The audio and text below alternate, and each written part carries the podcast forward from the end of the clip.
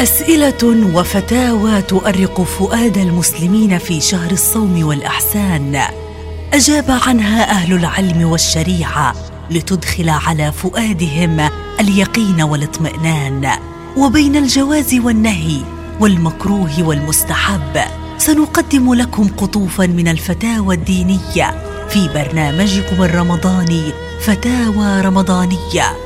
مع فضيلة الشيخ ياسين أبو خصوان هل تجب النية في الصوم لكل يوم أم تكفي النية عن كل الشهر؟ أجاب على هذا السؤال فضيلة الشيخ لؤي شربجي بالاتي الأصل تجديد النية لأن كل يوم مستقل عن الآخر وهو مذهب الإمام الشافعي رحمه الله تعالى. وذهب مالك إلى جواز صيام الشهر كاملا بنية واحدة والأصح والأحوط قول الإمام الشافعي رحمه الله والله أعلم.